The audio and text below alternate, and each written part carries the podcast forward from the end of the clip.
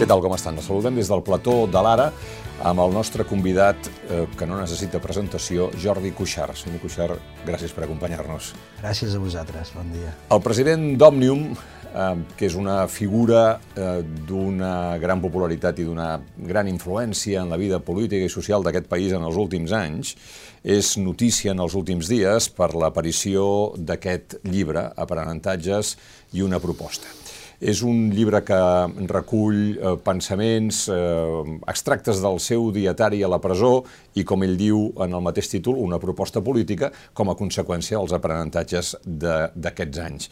De manera que d'això anirà l'entrevista amb algú que va ser escollit president d'Òmnium al desembre del 2015, i que és eh, empresari, és el president d'una empresa d'una setantena de treballadors, més uns quants més d'empreses filials, fins a arribar aproximadament al centenar, que es diu Aranau Packaging, que fa 18 anys que va ser batejada com a tal, no? Sí, sí, sí avui, avui, avui, 11 de novembre, Sí, sí, amb, motiu doncs, de, de, de, de una, una, fatalitat, podríem dir, però també llei de vida, que va ser doncs, la pèrdua d'en Miquel Martí Pol, que avui també fa 18 anys, i arrel doncs, d'aquest doncs, poema de, de, de l'ara mateix, no? d'aquest poema d'esperança, d'aquest poema de lluita, d'aquest poema que, que davant de l'adversitat doncs, ens diu que, que tot està per fer i tot és possible, doncs d'aquí neix també el nom d'Ara Nau, de l'empresa, amb, amb aquesta vocació internacional tan pròpia dels catalans de l'ara i el nau, la versió en anglès de, de, de la paraula ara. Bé, abans d'entrar en la proposta, passem un moment pels aprenentatges. En aquest llibre, Vostè s'ha despullat, podríem dir, emocionalment, no? Bé, sí, hi ha una part, això són els extractes del dietari, i en aquest extracte del dietari hi ha molt més del que, del que surt en el llibre, i, i, però sí que és cert que, que hi ha una part, més que despullar, és, també ho vist com un acte de responsabilitat, en tant que, que de ser president d'Òmnium i jo a la presó no hi vaig entrar per a Jordi Cuixart, hi vaig entrar per president d'Òmnium, no? I em semblava que els aprenentatges potser era més fàcil de compartir-los. No hi ha una voluntat eh, de, de sentar càtedra, doctrinadora, guiteu, mira jo el que us dic, ni molt menys, però sí que em sembla, i em segueix semblant, i l'editor també ho va convenir així, i els companys de la Junta també, que els aprenentatges era molt més fàcils compartir-los i visualitzar-los a partir doncs, de l'experiència viscuda, i el que vaig anar fent doncs, eh, abans de, de que coneguéssim lo de l'indult, doncs anava repassant doncs, diferents aprenentatges, anava dient, no, d'aquí jo què hi vaig aprendre, i compartir-ho, i cadascú hi trobarà virtuts, o potser la gent també dirà, doncs home, jo això més que un aprenentatge ho trobo doncs, el que sigui, un error o el que sigui, però en tot cas sí, és també fruit de, de, de les vivències d'aquests 3 anys i 8 mesos a la presó. Jo dels seus aprenentatges n'he après una cosa, i és que, eh, a tenor de la seva experiència, eh, quan un menteix o quan un dissimula el que realment és, pateix. I quan un és com és, se sent alliberat. Li dic perquè eh, Jordi Cuixart explica que intentava amagar les llàgrimes quan parlava per telèfon amb la seva mare, cosa que mm, no va servir de res perquè la seva mare, ja ens explicarà com mm, va veure que, que allò no anava bé, i el dia que li diu el jutge Llarena, al principi de tot, se'n recorden, com en un intent de sortir de la presó el més ràpidament possible, va dir, no, bueno, mira, el referèndum el farem pactat. És a dir, en, si no ets tu, alguna cosa no va. Aquí hi ha un passatge, i no és, no és que tingui voluntat de posar-me excessivament transcendental, però, però sí que hi ha un passatge de la Bhagavad Gita que, que a mi em va ajudar, ja l'havia llegit, la Bhagavad Gita abans d'entrar a la presó, i confesso que, que si ara em costa d'entendre-la, aleshores encara l'havia entès menys, però a la presó m'hi vaig poder recrear una mica, i, i hi ha un passatge que és preciós i, i l'intento compartir no amb la seva literalitat, però, però amb la versió que fan Joan Mascaró, la, la que fa de l'anglès, l'intento traduir una mica, i és que diu que si per egoisme tu no t'afrontes a l'espòs de la teva vida, la teva eh, decisió és en va, perquè la natura t'obligarà. I per tant, això ens passa de vegades, no? per egoisme, per mandra, per por, doncs, escolta, no volem afrontar el que eren presos polítics, o no vols afrontar doncs, una realitat, algun problema familiar o alguna disfunció Però del que estàs que privat sigui. de llibertat, per o exemple. O que estàs privat de llibertat. Si no ho vols acceptar, no ho vols assumir-ho, la teva decisió és en va, perquè la natura, les forces de la natura, la realitat, la conjuntura, el temps, t'obligarà a acceptar-ho, i per tant, quan abans ho acceptis, abans ho pots transformar. Per tant, quan vostè deia, no, no, tot va bé, tot va bé, si no anava bé... no, això no es pot. L'aprenentatge, i al cap de dos mesos així ho vaig fer, és que això no porta enlloc, és a dir, eh, resultava quan trucaves a casa que mai tota la vida, tota la família havia anat tan bé, tothom estava tan bé que dius, home, coi, doncs si tot està tan bé, no? perquè patim, no?, tots plegats. Escolta, no, això, això és seriós, no es pot banalitzar la presó, i per tant, eh, jo que quan trucava doncs sempre intentava aguantar l'últim minut, de... sobretot van ser el primer mes i mig, hi havia un impacte emocional molt gran, també una incomprensió compartida entre tothom, perquè tothom deia, no, que, que surtin, i jo crec que fins i tot els presos, o jo en el meu cas, ja ho veia que l'objectiu, la prioritat no podia ser sortir. Jo me'n recordo una conversa amb la presidenta Forcadell, d'aquestes furtives de 5 minuts per telèfon, que era a casa meva, van a veure els pares, i a mi em va sortir de manera espontània perquè em deia, us traurem, Jordi. I vaig dir, no, escolteu, feu... I això va ser al cap d'una setmana d'entrar a la presó feu el que sigui bo per Catalunya. Allò que sigui bo per Catalunya ho serà pels presos el dia de demà. Vosaltres feu el que sigui bo per Catalunya. I en aquell moment jo no tenia tanta consciència de pres polític com la que vaig anar adquirint amb, amb, amb el pas dels, dels mesos i dels anys. Eh? Però, però sí que és cert que, i és un dels grans aprenentatges també que intento compartir en el llibre, que nosaltres ara ja sabem que el límit no és la presó, però aleshores no. Aleshores, al començament, home, hi havia que deien, si haig d'entrar a la presó hi entraré, però era tot una miqueta, com, que no s'havia produït, doncs, bueno, una miqueta són, no dic brindis al sol, perquè ho dic amb molt de respecte cap a tothom, cap a totes les expressions, però sí que és veritat que semblava com, ah, ja ho veurem si acabarem a la presó, tot i que cap al final ja, ja estava bastant clar que, que això acabaria en presó, no? Però fins que no ho has viscut no, no pots parlar-ne en propietat com a societat, perquè és una part molt important de la societat catalana que ha estat a la presó. No, no només els nou presos polítics, no només els 3.500 represaliats. Qui pateix la repressió és una part molt important de la societat catalana i per això, mal m'està el dir-ho, no, que avui parlarem del llibre, però, però jo tinc moltes ganes, de, personalment, de, de passar d'aquest estadi de, de presó personal a tornar a parlar de la repressió col·lectiva, Avui hi ha més de 3.500 represaliats a Catalunya. Hi ha més de 110 causes obertes. Això és una causa general que nosaltres l'hem de saber portar al Tribunal Europeu de Drets Humans i l'hem de portar com a país. I l'hem de portar amb tota la dignitat i el tot el convenciment que no estem parlant de casos individuals, estem parlant de tota una societat i de veure com l'estat espanyol actua intentar, amb exercint la repressió, intentant eliminar la dissidència política. No? I per tant, uh, sí, sí, sí. És, és, I per tant, per això vostè passa de dir-li al jutge sí, sí, el referèndum el farem pactat, a dir no, és igual, és que si m'haig d'estar, com ho deia, 20 anys a la presó, doncs m'hi estaré, però els hi faré la vida difícil. Aleshores actuaré de pres polític, sí, sí. Sí, és, és a dir, me'n recordo perfectament, el director de Sota del Real ens va fer arribar, em va fer arribar a mi, diu, oh, diu, clar, diu, és que si la teva dona, quan fa entrevistes, i el Marcel Mauri, quan fa entrevistes, diu que ets un pres polític, doncs això no ajuda. I, i no ajuda. Eh? No ajuda. No ajuda. I, però, però no ajuda a què no ajuda? Que jo digui que sóc un pres polític? I no va haver-hi resposta, òbviament, no? però, però on vull espetegar és que, en certa manera, clar, si nosaltres amagàvem la condició de presos polítics, el que estàvem era encara eternitzant molt més la nostra situació a la presó en tant en quant passàvem a ser uns presos convencionals d'un delicte que no havíem comès i per tant t'has de defensar d'una cosa que, que no has delinquit no? I, i, i ho feia tot molt més complexa que, que no pas, doncs, això, no? reconèixer-te, mare, doncs, sí, no, mare, home, sí, m'emocionava molt, tu, mira, i et veia tu també que estaves molt fumuda, el meu pare, pobre home, doncs, també eren gent molt gran, tothom estava molt impactat, i en canvi, quan ho vam verbalitzar, doncs de cop i volta doncs tot va entrar en un escenari de normalitat i avui com estàs? Oh, avui estic més animat. Avui... Jo, Antoni, en compte del que, del que pugui semblar, jo també tinc moments de frustració. Sí, sí, els tinc. I aquesta persona que molta gent, home, és, és enèrgica, és espontània. Sí, jo també caic de vegades doncs, en, en, en moments de frustració, de dir, ostres, què ens ha passat com a societat, cap on ho estem portant?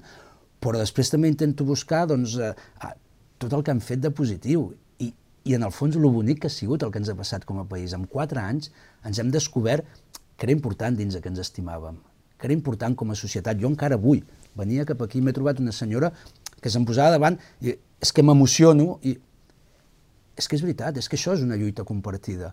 Això vol dir gent del carrer que, que quan et veuen et diuen, doncs, doncs ostres, jo he estat amb tu dins de la presó, i d'acord, jo, jo m'hi he passat els Nadals, però és veritat, una part de la societat catalana s'ha implicat d'una manera molt determinada i, i, molt, i, i en aquest sentit això ens ha de, ens ha de fer recuperar l'esperança, recuperar el positivisme. Tots tenim sensació de frustració i el que ens ha passat com a societat, doncs sí, és veritat, és un impacte emocional molt gran, però hem de ser capaços de, de recuperar aquest estadi d'esperança, de, d'il·lusió, de positivisme, que de fet ens va portar a, a l'1 d'octubre i al 3 d'octubre. I, per tant, jo estic convençut que tots plegats doncs, sabrem canalitzar tota aquesta frustració de nou amb, amb el que no es pot perdre mai, i és l'esperança. I això també ho vaig aprendre a la presó. No? El Víctor Frank ho, ho explicava, no? de dir, eh, la desesperació és el patiment sense sentit. Si tu vas posant sentit, el teu patiment es redueix i, per tant, també es redueix la teva desesperança. I jo, a mi, el, el, el, contra la frustració, el meu gran antídot és aquest, és, és l'esperança, l'esperança que ens en podem en sortir, això sí, sense ingenuïtats i sabent quin és el pa que s'hi dona. Ara parlarem de les ingenuïtats, però ja que em parla de l'1 i del 3 d'octubre, um, el 3 d'octubre passa que molta gent que no van a votar i que no és independentista ni s'hi ha tornat, va sortir al carrer en contra de la violència de l'Estat. Mm, I ara la idea és, el dia 3 d'octubre haguéssim hagut de fer una cosa que no la vam fer i tot plegat. Vostè està en això també? Jo penso que si ens embarranquem molt amb els retrets. I, per tant, aquest és un llibre que intenta mirar cap al futur. No, no ho dic tampoc com a retrets, eh? sinó com, com justament com a lliçó apresa, en el sentit de dir, quan més determinada va ser la societat catalana, més va agradar fins i tot aquells que no compartien una idea. Sí, jo, jo, jo, jo amb això jo ho defineixo en termes una miqueta, sense voler, insisteixo, eh, ser academicista, però això ho explica molt bé la Hannah Arendt, no? de dir, eh, nosaltres, eh, no, no parla del cas català, però és a dir, la ciutadania a Catalunya a l'1 i el 3 d'octubre va tenir tot el poder, tot el poder, però no el vàrem saber convertir en força. El poder que nosaltres teníem de fer aixecar el rei d'Espanya de la cadira, no el vàrem saber convertir en força i els polítics no varen saber traduir aquesta força en alguna acció política, la que sigui, la que els hi correspon amb ells. Jo sóc activista, jo sóc el president d'Òmnium Cultural. Um, intento defensar el millor possible els interessos de 200.000 socis i sòcies i intentar també representar el sentir majoritari de la societat catalana des de l'activisme, des de l'associacionisme, des de la societat civil organitzada. No? Però, però, però sí que és veritat que no ho vàrem saber fer i, i, i no passa res, és a dir, també hem après que això no serà ràpid, i també hem après doncs, que, que el 3 d'octubre, quan centenars de milers de ciutadans de Catalunya van ser capaços d'ocupar els carrers, tot, tot aquest poder que vàrem demostrar, l'estat espanyol va intuir que tindríem força i nosaltres no el vàrem saber convertir en força. I per tant el que ens diu això és que si ho volem tornar a fer, necessitem unir la capacitat de mobilització massiva, la lluita no violenta i el poder a les urnes. Si és així, ho podem tornar a fer. I avui per avui no, no es donen les circumstàncies i, per tant, eh, ens sembla, o em semblava a mi, que, que era necessari també parlar-nos en aquests termes i, i sense retrets, insisteixo. No, entre altres coses perquè algú li podria retreure, doncs, aleshores el 20 de setembre perquè ens va enviar a casa a la nit. Nosaltres el que vàrem fer el 20 de setembre, i molta gent també eh, suposo eh, que, que, que ho compartirà, és eh, desarticular el parany de l'Estat el 20 de setembre era una operació calculada per part de l'estat espanyol. Uns cotxes de la Guàrdia Civil amb armes sense cap tipus de cordó policial eh, no es deixen de manera espontània a davant eh, d'un escenari com el que hi havia el 20 de setembre, que farem bé de recordar, eh, més de 17 detencions, 50 entrades i registres a domicilis de particulars servidors públics, l'intent d'ocupar, l'intent d'entrar sense ordre judicial en una seu d'un partit polític, el segrest de la revista d'Òmnium, la clausura de més de 70 pàgines web sense cap tipus d'ordre judicial, i el que volia el 20 de setembre l'estat espanyol que passés és que hi hagués violència, cotxes oberts amb armes a dins, que encara ningú no ha donat cap tipus d'explicació, i per tant nosaltres, tant en Jordi Sánchez com jo, penso que ens vàrem atribuir un paper que la gent el va respectar, però tampoc no tenien per què fer-ho, de dir, escolteu, aquí s'ha generat una concentració de manera espontània, que ha sigut el primer cop que es va generar una concentració sí. que no estava controlada per les organitzacions, no en el sentit de que tinguem el dret de controlar-ho tot, no, no, en el sentit de que no hi havia servei d'ordre, no hi havia cap tipus doncs, de, de programació, ni fins i tot de manera de... El que, el que ens ensenya la lluita no violenta és que és molt important l'organització, la capacitat de resposta, sobretot per no trencar la disciplina no violenta, sobretot per saber respondre a les, a, a les, eh, a les provocacions, per dir-ho d'alguna manera, dels cossos i forces policials de l'Estat, i en aquest cas en concret, el 20 de setembre ens vàrem trobar en un escenari on no estava previst tot això, vàrem Però ens havien convocat vostès al, al matí per les ràdios. A partir de les 10. A partir de les 10, quan ja va haver-hi una concentració molt massiva, vam fer del defecte virtut. I a les 10 del matí, perdona, Antoni, a les 10 del matí fins i tot, jo amb entrevistes a la ràdio ja ho vaig dir, aquesta concentració a les 12 de la nit s'acabarà. I per què s'acabarà a les 12 de la nit? Perquè la nit, i en aquest cas en concret, era molt tramposa. I de fet, nosaltres veiem que hi havia grups de persones que no eren les habituals i que a partir, doncs, amb, amb la foscor, per dir-ho d'alguna manera, doncs, com que nosaltres tampoc no teníem la manera, perquè no havíem creat, a, a partir de voluntaris, eh, el sistema doncs, habitual, de, de, de, podríem dir, de seguretat o, o dels protocols habituals, nosaltres el que sí que vàrem tenir clar és a partir de les 12 de la nit això queda desconvocat i l'endemà de manera organitzada, davant del Tribunal Superior de Justícia de Catalunya, farem una convocatòria indefinida en el marc de la lluita no violenta, que vol dir 24 hores al dia, fins que no alliberin els detinguts. I, de fet, així va ser. Per tant, el 20 de setembre, quan nosaltres eh, no és canviem la gent cap a casa, nosaltres el que intentem és eh, canviar el taulell de joc, perquè aquella situació en la que ens havíem portat, amb una secretària judicial eh, que, que, que, que hagués pogut sortir de les mans, com es va demostrar durant el judici, el que sí que era veritat és que nosaltres teníem un cotxe amb armes a dintre, envoltat de ciutadans. Ciutadans amb un 99,9% que estaven actuant de manera pacífica. I ara, per molt que ens preparem, podrem evitar aquestes trampes de l'Estat i que les nits continuïn sent perilloses? És a dir, no, jo en el no moment crec, en, què, eh? en què una societat surt al carrer, practica sí. la desobediència, per més no violenta que vulgui ser, mm, en el moment en què hi ha milers de persones al carrer no saps què pot acabar passant. Perdona, jo, jo no crec que la, la nit necessàriament hagi d'induir la violència, eh? ni de bon tros. Vull dir, bueno, ho ha... dic la nit perquè vostè ho ha, ho ha, dit, així, no? que la, podia ser la nit, podia ser tramposa, etc. És igual, el, el dia, tant és. Bàsicament el factor és perquè no estàvem organitzats. D'acord.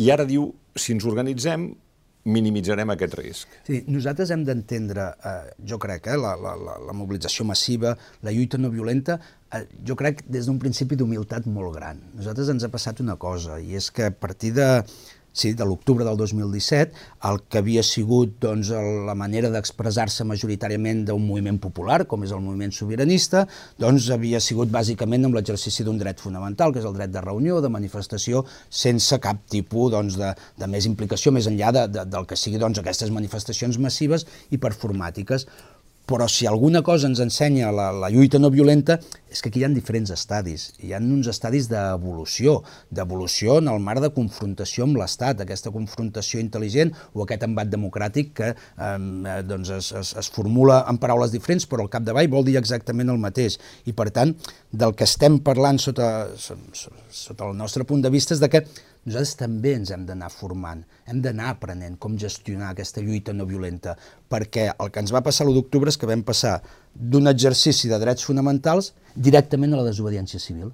I ens vam saltar totes les etapes intermitges, un escenari de no cooperació, un escenari de confrontació amb l'Estat, un escenari també on la força que tenim nosaltres com a usuaris i consumidors s'ha de posar damunt la taula, i òbviament també després venen els exercicis massius de desobediència civil, però fins i tot els propis exercicis massius de desobediència civil demanen de molta resiliència i de molta capacitat d'absorbir la frustració quan les accions fracassen. Perquè és així, perquè les accions de la desobediència civil, en molts casos, i això els insubmisos en són un clar exemple, fracassen. Fracassen en quin sentit? Doncs de que no aconsegueixen el fi per les quals havien estat concebudes. No passa res. Si la lluita no violenta precisament és això, és un exercici d'humilitat molt gran, però què posa en valor? La capacitat de la ciutadania, que mitjançant l'acció no violenta, que no vol dir una acció passiva, sinó senzillament no violenta, és capaç de confrontar-se amb els poders de l'Estat i forçar-los a fer-se escoltar la seva veu. Per tant, nosaltres, eh, en l'escenari en el que ens trobem ara, és actes massius de manifestació al carrer, però tot això, i d'aquí doncs, també l'Escola de Formació Guillem Agulló, d'aquí també aquesta proposta que fem al conjunt de la societat catalana de que necessitem tornar-ho a fer però fer-ho millor, i això també demana de sacrifici, demana d'esforç, tot això eh, és, és un procés que nosaltres l'hem d'anar acceptant i l'hem d'anar assimilant i hem d'entendre que demana de formació, demana de voluntat i sobretot també demana d'aquesta capacitat de mobilització que l'hem de recuperar, que hem de ser capaços de recuperar. I vostè creu que trobaria ara els mateixos milers de persones eh, que fa quatre anys? Li dic, després bueno, d'aquell pas endavant i aquell pas enrere del mes d'octubre del, del, del, del 2017. després de, de la incidència de la repressió, de la desunió política, de la pandèmia, eh, dels efectes econòmics de la pandèmia, etc etc. Eh, vostè creu que ara estem perquè el president d'Òmnium ens, demana, ens demani sacrificis? I que ens digui... Mm, aquí el que es tracta és que l'Estat hagi de posar 50.000 persones a la presó. Oi que no els hi pot posar? Doncs aleshores li estarem guanyant la partida. Sí. Eh, vol dir que no necessitem passar, no, no, no dic una nova generació per uns quants anys abans de tornar-nos a trobar mm. en les condicions de convicció emocional de l'octubre del 17. Mm. Nosaltres el que, el que proposem en el llibre i el que diem és que necessitem recuperar aquesta capacitat de mobilització, perquè som conscients que avui no hi és. No només no la capacitat tot... de mobilització, per tot, per tot això que li he dit. Per tot el que ha passat, i, i és cert, la repressió, quin és l'objectiu de la repressió? I això, no, desmobilitzar, esclar. Sí. I dividir els que lluiten. Sí. La repressió a Catalunya busca dividir els que lluiten, com ho ha buscat històricament la repressió a, a, a tots els indrets del món. No? I, I se n'ha sortit hem de ser conscients que, que això és el que busca la repressió i, per tant, jo crec que com a societat no estem dividits. La fractura social que hi ha a Catalunya està, està entre la gent que pot arribar a final de mes i la gent que no hi pot arribar. I precisament per aquesta fractura social és per la qual nosaltres ens sentim obligats a interpel·lar la societat catalana a resoldre el conflicte polític entre Catalunya i l'estat espanyol. L'objectiu del referèndum no és altre que poder-nos dotar d'un estat propi que defensi els interessos de les classes populars, de les classes treballadores, d'aquesta classe mitja catalana que veiem com cada cop s'està primant més i que veiem que avui hi ha un 50% de la població catalana que té problemes per arribar a final de mes, que hi ha un 25% de la població catalana amb risc d'exclusió social, que avui tenim nosaltres una societat industrialitzada amb un 11% d'atur però mai havíem tingut salaris tan precaritzats i per tant nosaltres com a Òmnium, com a activistes, amb la responsabilitat que entenem que tenim en el conjunt de la societat catalana per incidir-hi, el que proposem és, senyors, per tornar-ho a fer no ho podrem tornar a fer si no ens tornem a formar, si no ens preparem, per, per, si no ens això, empoderem. Per tant, el, el tornem això a fer demana temps. va per llarg jo, jo també he après una altra cosa, que si, que si nosaltres eh, parlem del 2014 al 2017 ens pot semblar que és una eternitat, però 14, 15, 16, 17 doncs el 2014 nosaltres ens trobem un escenari que semblava que tot era una desunió i que no arribaríem en lloc i el 2017 doncs acabem eh, vivint un dels embats més importants de la història contemporània de Catalunya amb l'estat espanyol. I per tant eh, ho diem, avui no, es, no hi ha les condicions, estem convençuts que es pugui celebrar aquest referèndum sense adjectius que nosaltres diem per la desunió que hi ha entre el conjunt de les forces polítiques, és cert però l'única manera de que es pugui traçar una estratègia compartida en el, des del conjunt de formacions sobiranistes és tornant a pressionar els polítics. Nosaltres el que diem és hem de tornar a ser capaços de pressionar els polítics perquè escoltin la veu de la ciutadania. Això en quant de temps pot passar? Doncs, miri, jo m'atreviria a dir-li que és que no ens podem permetre allargar-ho en tant en quant els problemes reals de la ciutadania, d'infraestructures, d'inversions, la manca de capacitat del govern de la Generalitat per poder legislar de manera efectiva. Sí que s'aproven lleis per solucionar els problemes de la ciutadania, però el Tribunal Constitucional sistemàticament les tomba. Per tant, és, eh, nosaltres intentem interpel·lar el conjunt de la ciutat amb, amb un discurs que, que també li és propi òmnium, que de vegades potser no és el més agradós, o potser no és el, més, el que la gent més voldria escoltar, però sí que ens sembla que per responsabilitat és el que hem de fer. Jo, hem jo de tornar que, a pressionar els polítics. Jo crec que hi ha molta gent que sí que el vol al costat, el, el vol escoltar, però el troba entre ensucrat, ingenu i un, i, un, i un pèl idealista tenint en compte les condicions tan aspres de la política catalana en aquests moments. Escolti'm, hi ha una majoria absoluta al Parlament independentista més gran que mai del 52%, tot sigui dit, les formacions independentistes combinades van perdre més de 600.000 vots, eh? però mm, hi ha una majoria del 52% i aquest cap de setmana encara no sabem si aquesta majoria serà capaç d'aprovar els pressupostos. Mm. En aquestes condicions Sí, preparem-nos, però, senyor Cuixart, sí. Però, però preparem-nos precisament per poder pressionar els polítics, sempre ho diem, els d'aquí i els d'allà, és a dir, la classe política catalana i nosaltres mai farem un discurs antipartits polítics perquè l'alternativa als partits polítics ja sabem quina és, és una dictadura, és, una dictadura. És, el, és el totalitarisme i per tant mai caurem en aquest parany, en aquest error de, de fer un discurs antipartits, de fer un discurs del pim-pam-pum on, on, on en realitat qui acaba guanyant és el populisme i per tant sempre i majoritàriament les opcions d'extrema dreta. Però també és veritat que, que no podem renunciar a seguir ser exigents amb els nostres partits polítics. Si en aquest país va haver-hi un 9-N, si en aquest país va haver-hi un 1 d'octubre, és perquè va haver-hi polítics que ho van saber formular i, i ubicar-ho però és sobretot perquè va haver-hi pressió ciutadana. I nosaltres el que diem als ciutadans, nosaltres no som polítics, nosaltres parlem a la ciutadania en tant que activistes, la interpel·lem de tornar a recuperar la capacitat de mobilització, que vol dir la capacitat de pressionar els ja, polítics. Però, però el problema és que la desmobilització arriba com a conseqüència de l'intent de divisió que fa la repressió, però eh, insisteixo en, en això que em sembla bastant clau, i està passant en aquestes hores. Si, els, si la majoria independentista no aprova aquests pressupostos, davant de què estem, senyor Cuixart? Com ho valoraria?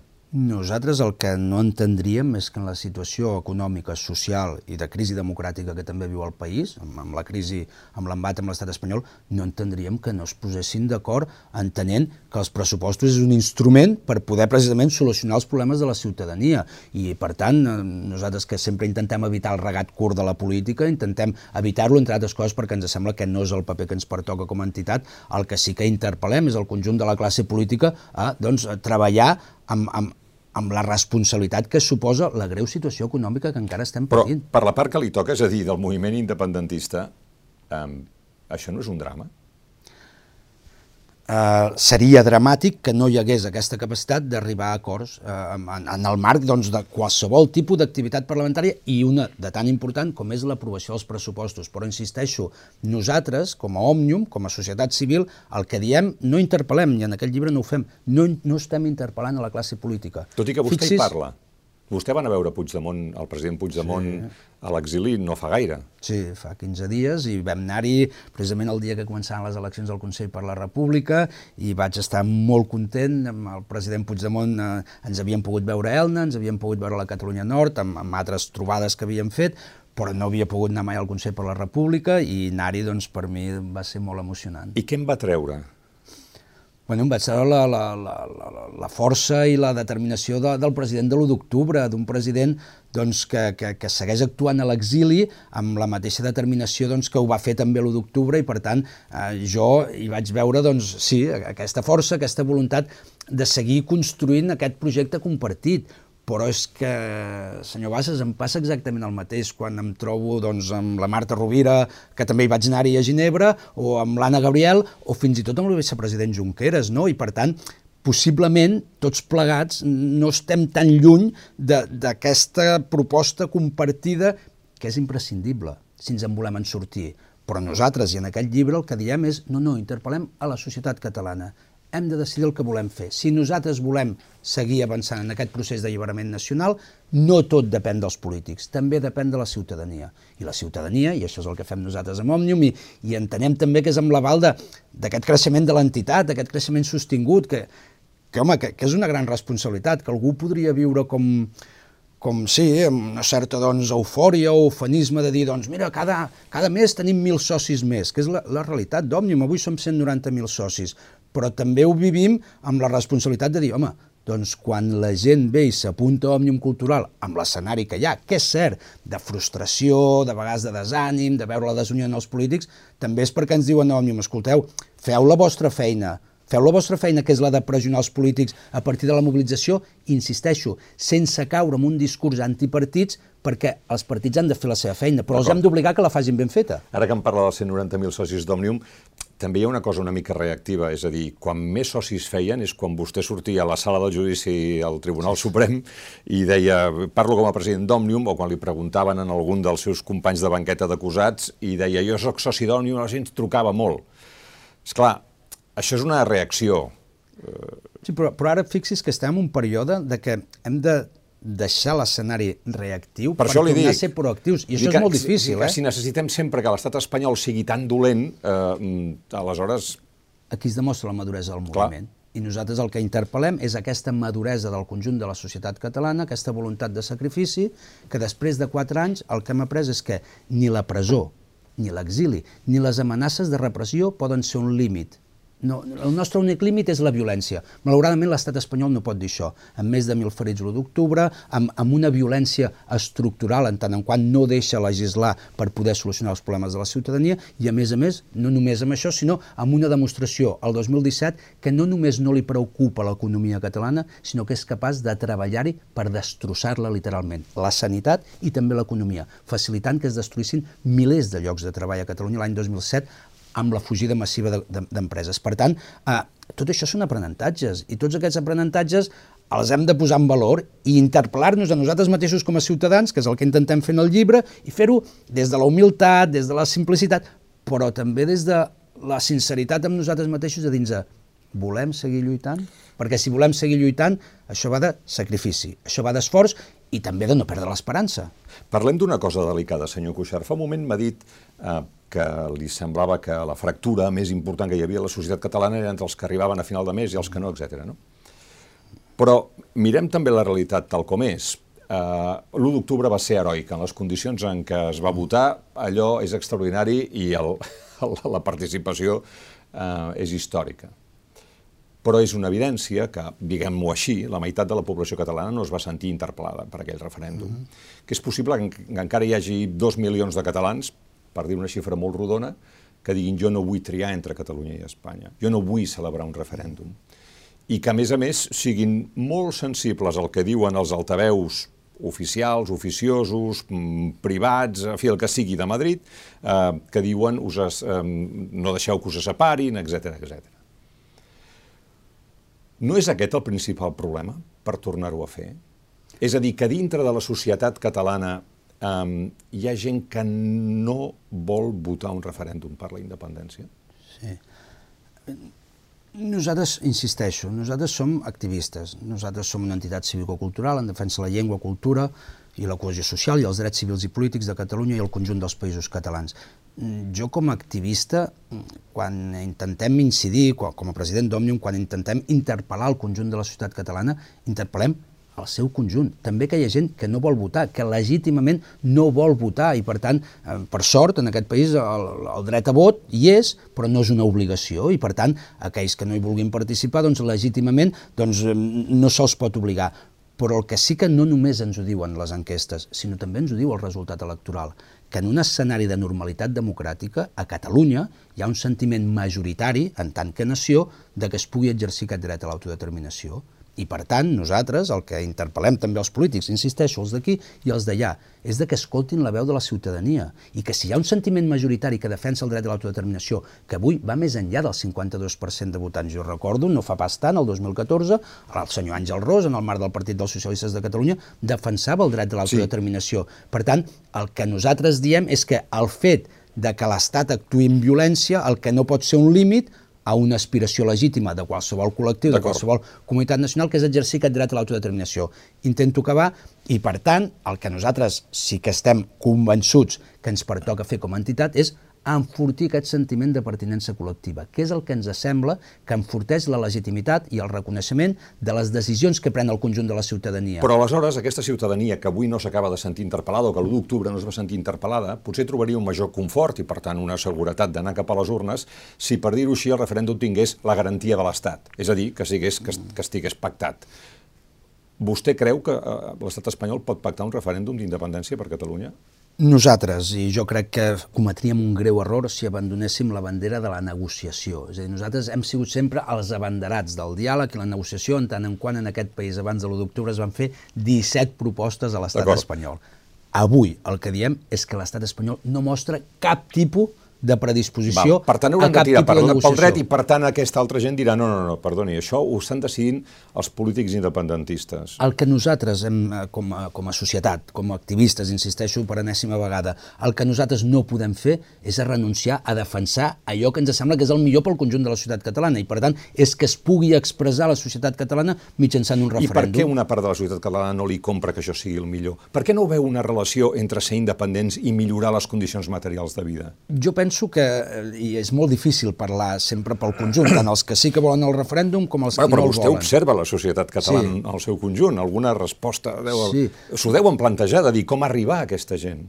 Jo, jo una prèvia, i és que jo hi ha moltes coses que tampoc no hi tinc resposta i per tant ser el president d'Òmnium no t'otorga una capacitat de poder respondre bueno, tot més, ni molt menys. Però, però sí que és veritat Vostè heu de veure el seu poble vull dir, en el sí, seu poble, jo soc de Santa Perpètua a Santa sí, Perpètua sí. deu haver-hi una, una majoria social molt barrejada. Sí, sí i, i legítima però, i legítimament, i penso que és una de les grans fortaleses, i, i mal m'està I, i un gran però... aprenentatge per vostè, n'estic segur. I, I Santa Perpètua, presumiblement, és un dels millors exemples de, de, de cohesió social, de treball per unes lluites Val. compartides, i per tant... Molt bé, com arribar-hi? Però mm, jo el que penso és que nosaltres, un dels grans aprenentatges del 3 d'octubre també és que ser més no està renyit amb ser més determinats, al contrari, quan tu estàs més determinat amb les teves conviccions... Arrossegues eh, més bueno, el 3 d'octubre va ser una demostració sí, de que la majoria d'agents socials del conjunt de la societat catalana es van sentir interpel·lats en la defensa de l'exercici de drets fonamentals. I, per tant, del 2017 fins avui, nosaltres estem convençuts que, mica en mica, mm, cada dia més ciutadans de Catalunya... Jo estava a la presó i rebia un munt de cartes de gent, doncs, socis d'Òmnium, òbviament, i ho agraeixo de tot cor, de molta ciutadania doncs, implicada en el moviment sobiranista, però cada cop més, i com més s'anava costant, de, doncs, eh, anaven passant els anys, cartes de ciutadans de peu. No, no, jo sóc un demòcrata i vostè no ha d'estar a la presó, però jo no sóc independentista. I això va d'això. Això va de democràcia. Nosaltres l'any 2017, eh, senyor Bassas, la nostra crida va ser la democràcia no va ser una crida a votar sí, que si algú té algun dubte de que jo votaria sí, és que ben bé, doncs no, al final no ens, no ens hem explicat prou bé. Però això va de democràcia, segueix anant de democràcia. Però um, entengui'm que, que, haig, que haig, a, a benefici de la comprensió de la seva proposta, eh, haig d'insistir. Vostè parla, és una etiqueta que li agrada molt, allò de les lluites compartides. Uh -huh. Imaginem que a, rebaixar l'atur, la pobresa, l'exclusió social, la millora de l'escola i la sanitat pública, el dret a l'habitatge, tot això sigui una lluita compartida. Però hi ha un punt en què el camí es bifurca, deixa de ser compartit, que és, el, quan vostè diu, i per això ens convé un referèndum i ens convé la independència, i els altres diuen, no, no, això no, no em vull... O sigui, és una lluita compartida fins a un cert punt Bé, és una lluita compartida fins al punt de que la vulguem solucionar o no, i per tant nosaltres eh, a dia d'avui encara, i després del 2006, l'últim missatge que podríem dir que envia l'estat espanyol a Catalunya sobre aquesta voluntat d'autogovern permanent que ja ve de Vicenç Vives i més enllà, eh, eh, és una sentència del Tribunal Constitucional derogant una part important de, de, de, de l'Estatut d'Autonomia que va aprovar el poble de Catalunya i refrendat per les Corts i fins i tot pel propi rei d'Espanya el, que, el que tenim fugat. Uh, uh, aquesta és l'última resposta que envia l'estat espanyol, al 2010. D'aleshores fins avui, les altres respostes no només no han sigut propositives, que aquesta tampoc no ho era, no han sigut, sigut repressives, sí, sí. Ha sigut violència, ha sigut destruir llocs de treball, ha sigut... Eh, in... No atacar el patrimoni dels, dels servidors públics... El Tribunal de Comptes. Tribunal de Comptes és un missatge dissuasori cap a tota la classe política catalana de senyors, qui es vulgui posar en política, que sàpiga que el seu patrimoni està en risc i l'Estat en qualsevol moment es pot fer el propietari d'aquest patrimoni. Clar, quan les propostes de l'estat espanyol arriben a tota aquesta dimensió, doncs, eh, vaja, mm, eh, eh, d'acord que hi hagi ciutadans que possiblement, i, i molt respectable, no voldrien votar en un referèndum d'autodeterminació, però jo crec que avui, i de fet, malgrat la pèrdua de vots, però si fem cas al que diuen els resultats electorals i la representativitat del Parlament de Catalunya, hi ha una part més majoritària de la població de Catalunya que és independentista o que s'expressa en clau independentista que no pas hi era fa quatre anys perquè de fet, i, i cada dia doncs, ens en trobem més, jo em trobo moltes persones que, independentment de que pugui estar més o menys d'acord amb com està actuant la classe política en el seu conjunt, amb aquesta desafecció conjunta, eh, sí que és veritat que, que és que no arriba cap proposta de l'estat espanyol, cap ni una. D'acord, mentrestant al carrer eh, encara som un sol poble? Li dic, li dic pel següent, eh, quan el procés comen s'acostava al seu punt d'ebullició, l'alcaldessa de Santa Coloma de Gramenet, la Núria Parlon, mm. em deia, veient com en alguns balcons apareixien estelades i en d'altres banderes espanyoles, em deia, aviam si per guanyar l'Estat haurem perdut la nació. Mm. A mi a mi m'agradava molt un matís molt candelià i, i també en Benet Salvà que va fent seu també, que era no és que siguem un sol poble, és que som un poble en construcció permanent, aquesta construcció permanent d'un sol poble. I això també diu molt de la nostra realitat social i de, del nostre fet migratori com a fet estructural, no és conjuntural, no? i per tant és, és, és, és, estructural, i per tant és motiu d'orgull nacional, i, i jo que sóc fill d'immigrants eh, eh, me sento plenament eh, representat, no? però és que som un poble amb construcció permanent i aquesta és una de les nostres grans virtuts i per tant eh, jo crec que, que ens equivocaríem si també el que idealéssim o el que tinguéssim idealitzat és eh, un poble hermètic, rígid, eh, eh, que, que no té permeabilitat, que no té capilaritat i en canvi el nostre és molt diferent, és a dir, els fluxos migratoris dels darrers anys, i dels darrers anys vull dir dels darrers 4 o 5 anys, no tenen absolutament res a veure amb els de fa 20 i 30 i 40 anys, i de tot això també s'enriqueix la societat catalana, i per tant jo m'atreveixo a, a, a matisar no? la, la, la, la presidenta, ai, l'alcaldessa de Santa Coloma, en el sentit de és una construcció permanent. D'acord, però... I ens equivocarem el dia que pensem que la nació ja està tancada, ja hi hem arribat. Aquesta és la nació definitiva. Però el que ens adverteix, jo crec que aquesta expressió és eh, si en el, el problema és que no estem construint permanentment, sinó que fins i tot que estem deconstruint. Li poso un exemple nuclear, la llengua. Fa 30-40 anys, sortint de la dictadura, molts pares, potser com els seus, deien no, no, sistema a Catalunya, els nens han de poder parlar en català, que no ens passi com a nosaltres, que no l'hem parlat mai, etc etc. Mm, sembla, a tenor del que està passant a les escoles, que hi ha un nombre, no sabem quin, però deu ser considerable, de famílies, on, per dir-ho de la manera més suau, això del català mm, bueno, no, no, els, no els amoïna especialment, i fins i tot potser algunes ja estan en contra. Aquí potser sí que hem de construir. Eh, per l'acceleració del procés, Segur que hi ha múltiples raons i, la, i una de les més importants... Quina és també... la, la, la seva tesi sobre això, jo, o, o la seva sí, hipòtesi, vaja? Sota el meu punt de vista hi ha, hi ha diferents factors i, i jo sempre he pensat que ens equivocaríem si vinculéssim independència amb llengua. No, no, no, no, això no va d'això. Llengua i cultura Però catalanes... Però nació amb llengua sí. Eh, oh, és el nervi de la nació. La llengua catalana, la llengua i cultura catalanes és el nervi d'aquesta nació, d'aquests països catalans, amb construcció permanent també. Però eh, el, el procés d'independència eh, eh, és un procés polític i la llengua i cultura catalanes és patrimoni del conjunt de la ciutadania dels països catalans. I aquest patrimoni és una responsabilitat la seva preservació, i no només la seva preservació, sinó vetllar doncs, perquè aquells acords, en el seu cas doncs, de normalització lingüística o el sistema d'immersió lingüística a l'escola, es duguin a terme, i es duguin a terme amb els paràmetres acordats. A, a quin escenari hem arribat? Ens n'hem adonat de que des del món audiovisual la presència del català és residual Aquí també hi ha responsabilitats de la Generalitat. Hem passat d'un pressupost de 480 milions d'euros fa 10 anys a, a la Corporació Catalana de Mitjans Audiovisuals a un pressupost de, jo crec, vora 200 milions d'euros. Això afecta, afecta els programes doncs, que veuen els nostres infants a la televisió, no? i a la qualitat i a la competitivitat. Això no depèn de Madrid. Si tu li vols demostrar a Madrid que en realitat tu hi creus amb l'audiovisual, l'audiovisual en català, un audiovisual de qualitat i que per tant té incidència amb la nostra canalla i per tant quan van als patis de l'escola el que veuen a la tele ho repliquen amb el mateix idioma que ho veuen a la televisió i per tant hi ha els nombrosos exemples de les pulseres vermelles, el Son Goku, les boles de drac, tot això. Eh, això depèn de la Generalitat de Catalunya. Però després també hem de tenir clar que també tenim un estat que entén la plurinacionalitat, la pluriculturalitat i el plurilingüisme com un atac a la seva unitat. I aquests són l'estat espanyol i l'estat francès.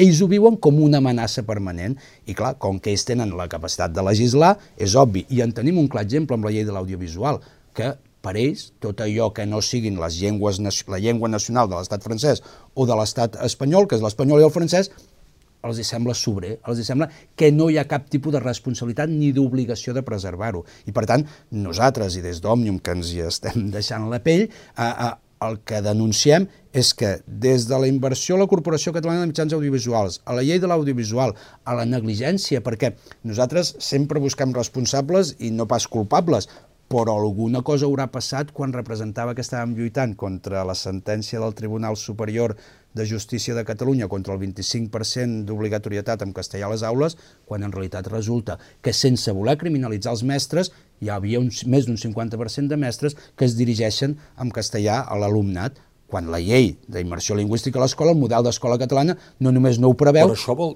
parla de fins a quin punt la societat, una part de la societat catalana no ha internalitzat, eh, no ha interioritzat el català com a nervi de res, sinó més aviat com un element que està aquí però que pot ser prescindible per raons pràctiques fins i tot, no? perquè l'anglès és més important o perquè... Bah, possiblement, i insisteixo... Eh, perquè s'ha perdut l'empenta de la sortida de la dictadura. O possiblement també perquè hi ha hagut aquesta, jo m'atreveixo a dir i, i insisteixo, eh, no, però per part de l'administració també hi ha hagut molta desídia, no? una desídia pel que fa a la llengua, doncs de, com ja, la llengua ja està salvada. No, escolti, la llengua la salven els parlants, i la llengua es salva parlant-la i potenciant-la i vetllant perquè hi hagi un ús efectiu. Jo me'n recordo la presó i, i a la presó de Lledoners, que que molts cops, home, doncs, doncs sí, intentava actuar d'activista doncs, exigint doncs, de, de que les comunicacions amb els presos doncs, estiguessin, com a mínim, en català. Eh, jo vaig fer de professor de ceràmica, jo fortuïtament, i, i, i per, per, amb, amb els presos.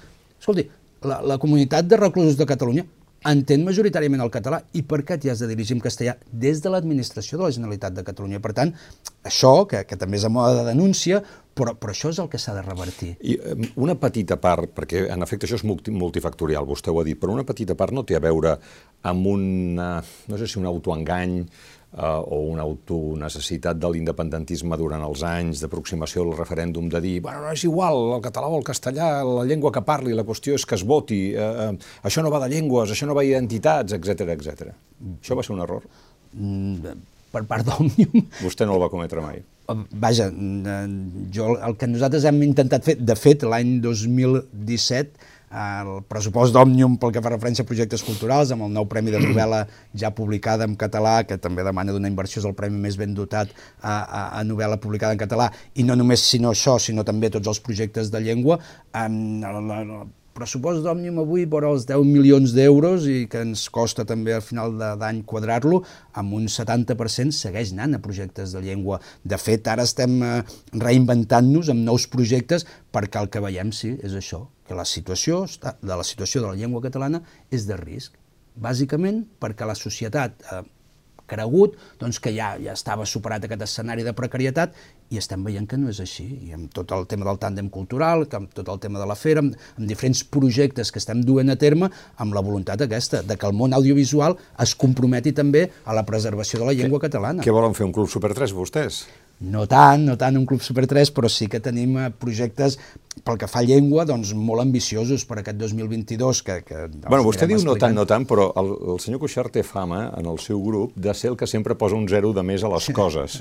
diu, hauríem d'intentar que això arribés a 20.000 persones, diu, no, això 200.000. Bueno. I així successivament, no?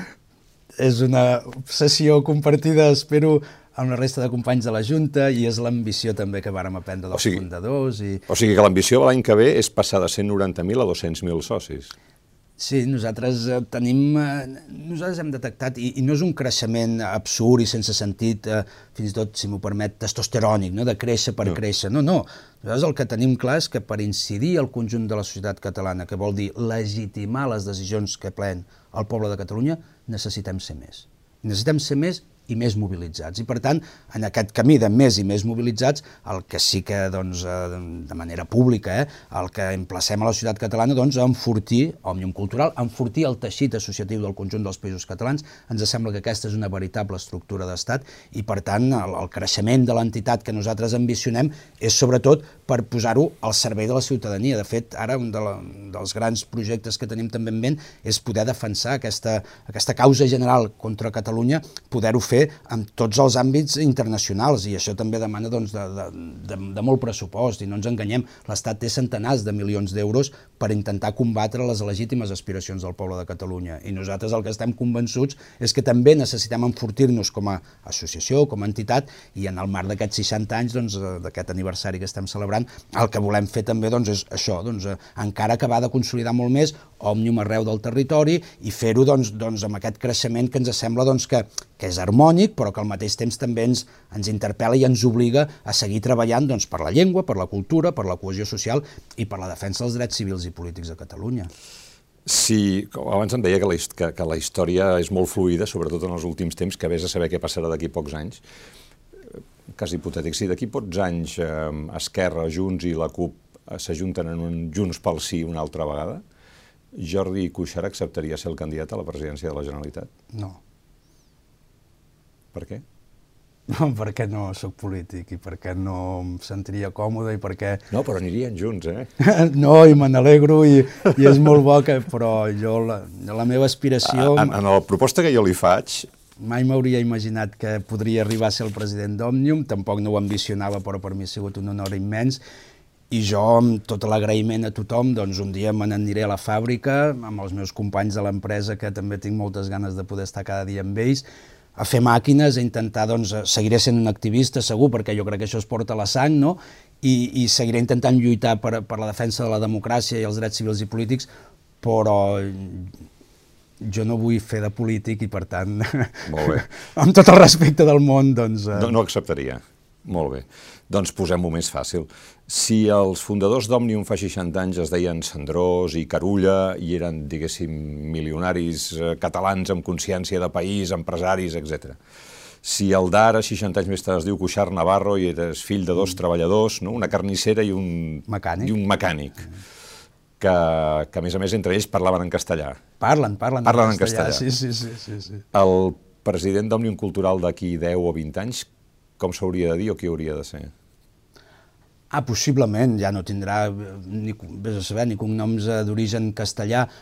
Sincerament, eh, sincerament, eh, no em preocupa excessivament molt. Els, els meus fills es diuen Cuixart Bonet i cap dels dos som, som uh, 100% de, de, de, de nissaga catalana, no?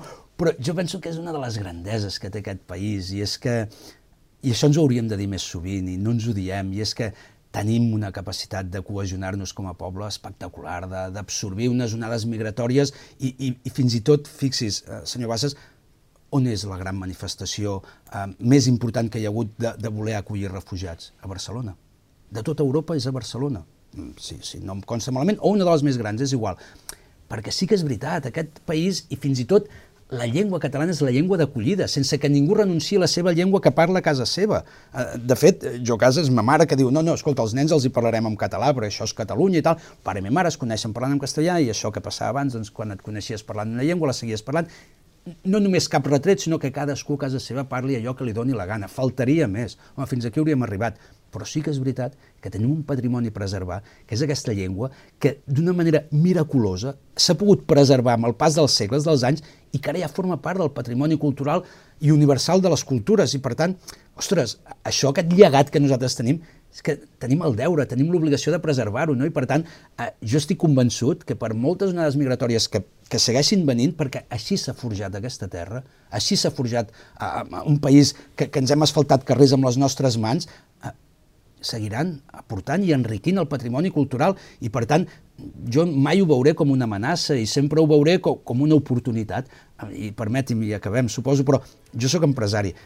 Vostè sap el que representa per nosaltres poder tenir ara ja catalans d'origen xinès que tenen competència al 100% lingüística amb xinès i amb català, això és perfecte, això és sensacional, és, és una notícia brillant, és una notícia molt positiva, Ara nosaltres no negligirem mai de la responsabilitat que tenim com a ciutadans catalans de preservar la llengua i cultura pròpies. No? I per tant, eh, jo crec molt més sempre amb, amb la complementarietat, no? amb el compartir, que no pas amb aquest eixamplar, que no pas amb aquesta voluntat una miqueta doncs, d'imposar. Jordi Cuixart, moltes gràcies. A vosaltres.